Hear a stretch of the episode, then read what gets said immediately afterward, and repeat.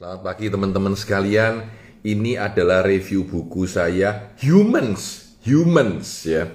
Uh, buku ini ditulis atau difoto sebenarnya oleh Brandon Stanton, Brandon Stanton ya. Nah uh, cerita di balik buku ini menarik banget. Kira-kira mungkin lima tahun lalu ya. Uh, Brandon Stanton ini atau mungkin lebih ya. Brandon Stanton ini menjadi top naik peringkatnya tinggi banget karena dia membuat Humans of New York. Humans of New York. Jadi pada satu saat Brandon ini uh, pindah dari kampung halamannya ke New York ya, ke New York dan dia ini karena suka motret, dia motret gitu ya. Yang pertama itu katanya di dalam sebuah kereta api uh, subway ya, dia lihat anak itu kok lucu ya, ada dua anak melihat tempat yang sama, kameranya diambil dan dijebret gitu ya. Dan sejak itu dia mulai memotret orang, memotret orang, memotret orang. Dia bilang pertama kalinya kacau banget, pelan-pelan dia bisa motret, kapan-kapan pelan-pelan dia berani motret.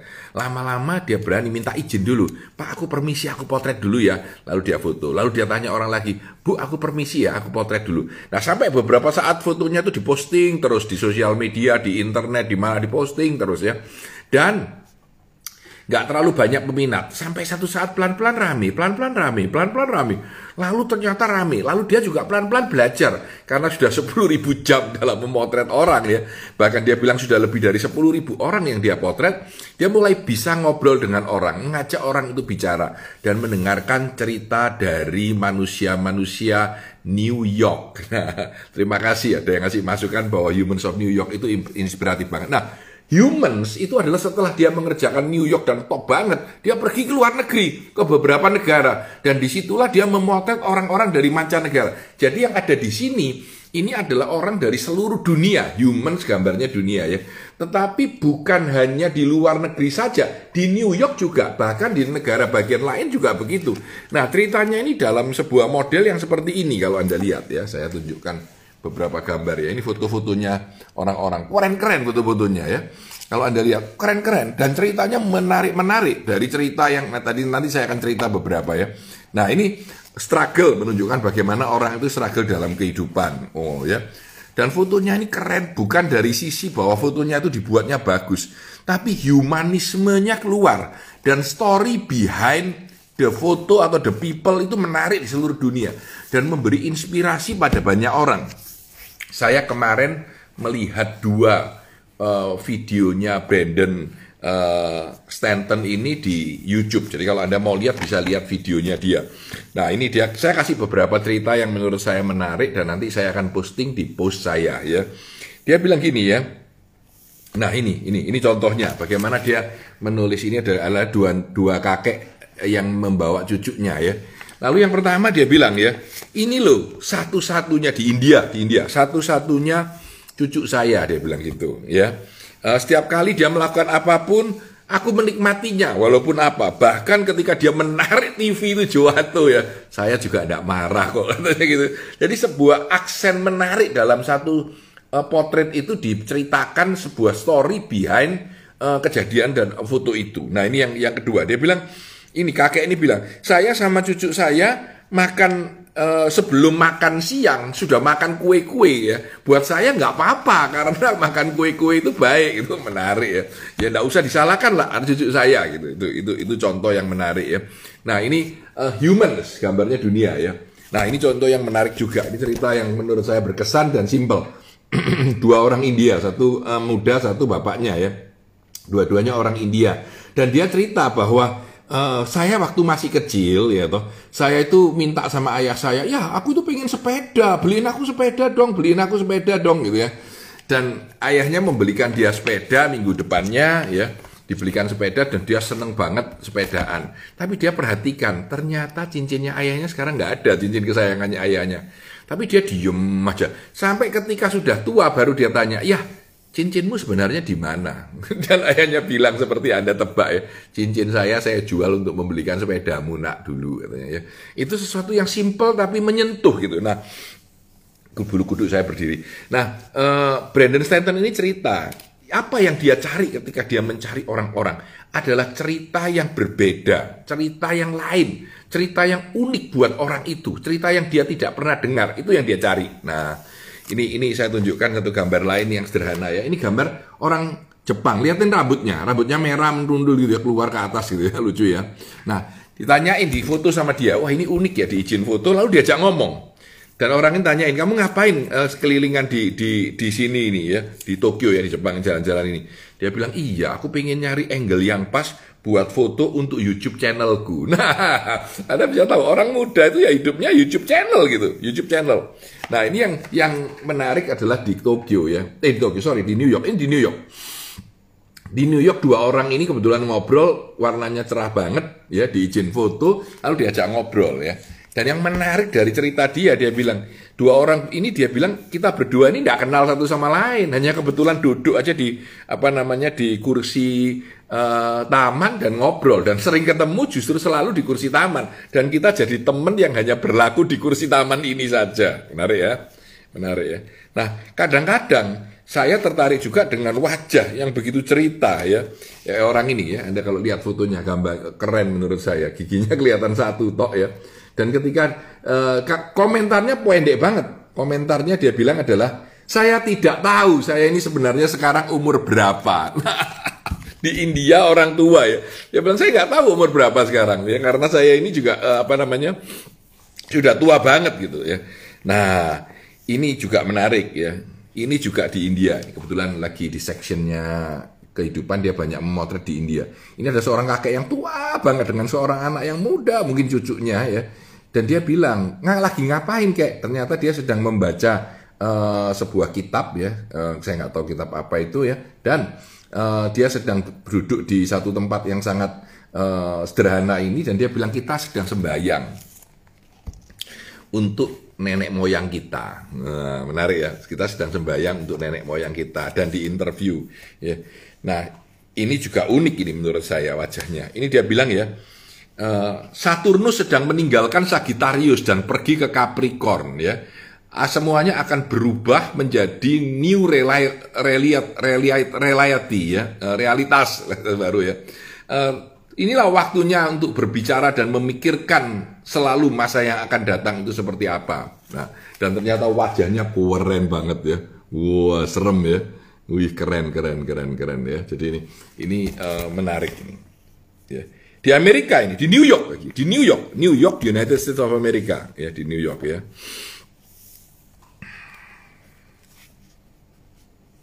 Nah, ini menarik ya. Ini di Pakistan, ini di Pakistan.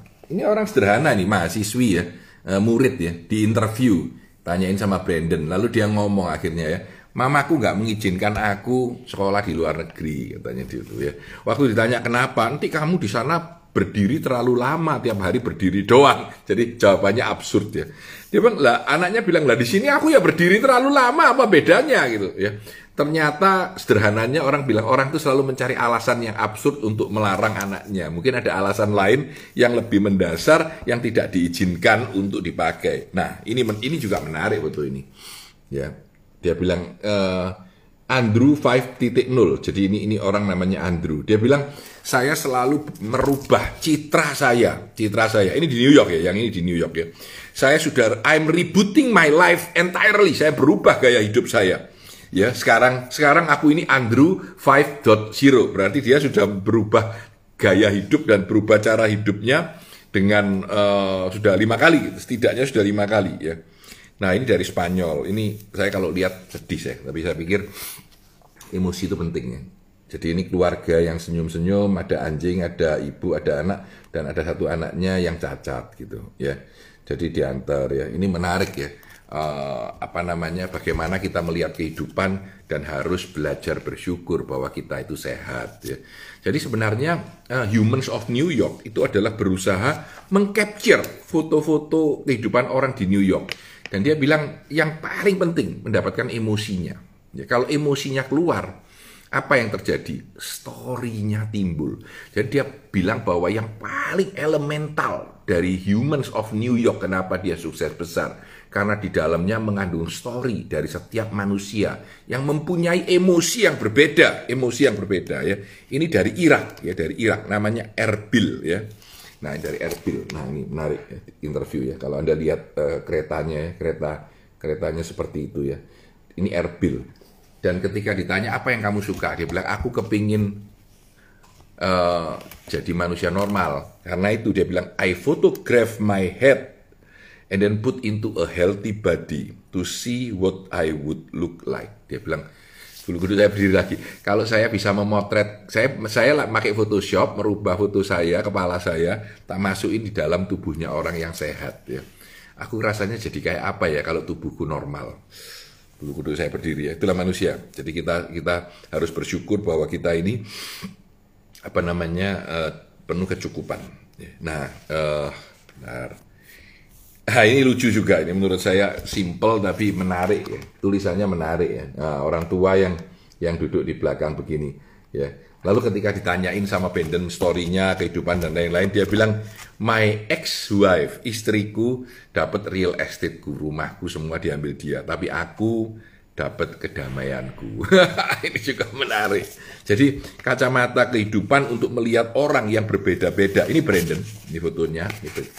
Ya ini fotonya Brandon. Ya ini, ini sudah menikah sekarang dia. Ya.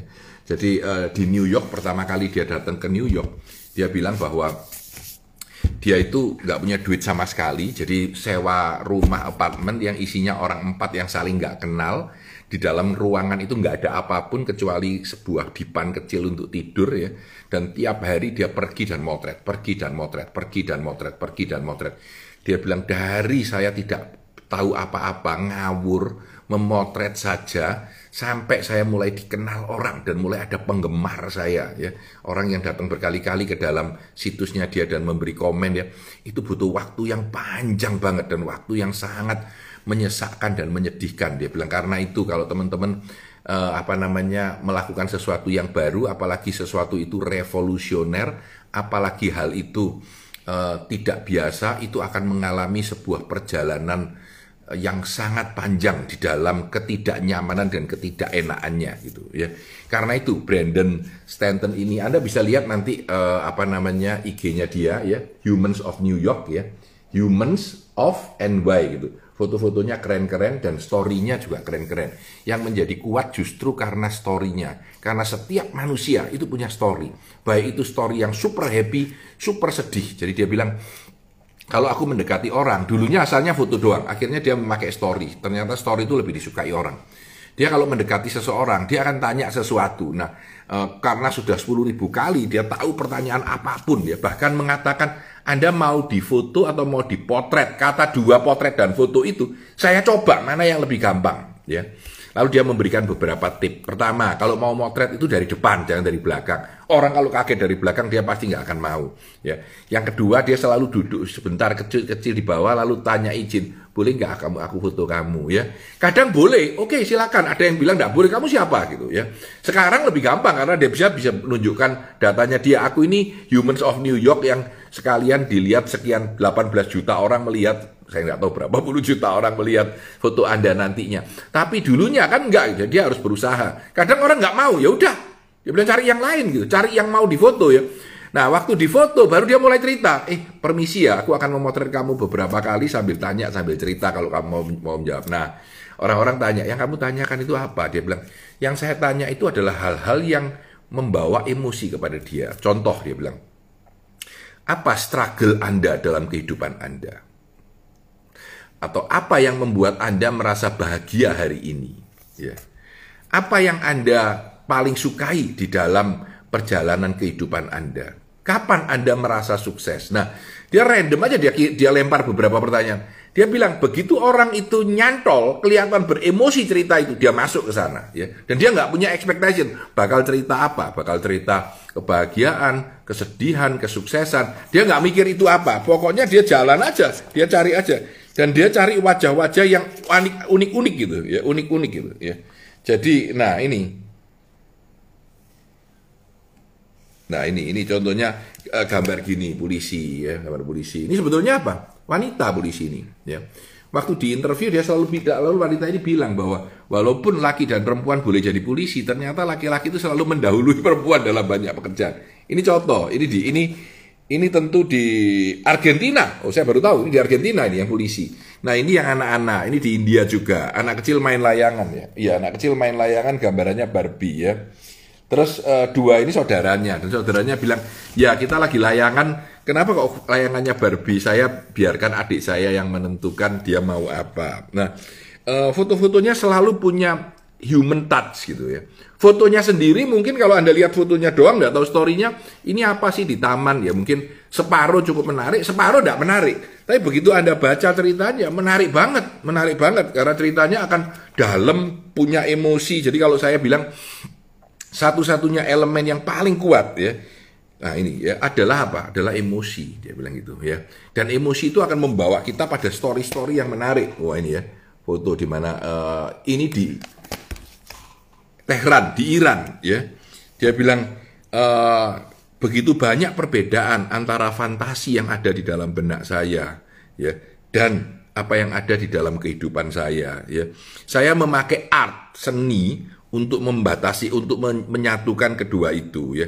Saya selalu membuat uh, potret, membuat apa, bahkan memotret ya uh, orang yang telanjang ya. Ini perempuan ya. Karena menurut saya telanjang itu truth, kebenaran ya. Tapi karena di Iran ya nggak boleh, jadi saya juga sembunyi-sembunyi melakukannya. Nah itu, ini ini contoh bagaimana story itu berkembang ya. Jadi eh, menarik-menarik menurut saya. Jadi dia ke Pakistan, ke Australia, dia ke Melbourne, ke Australia ya dia lari-lari ke seluruh dunia, lalu ke Seoul ya.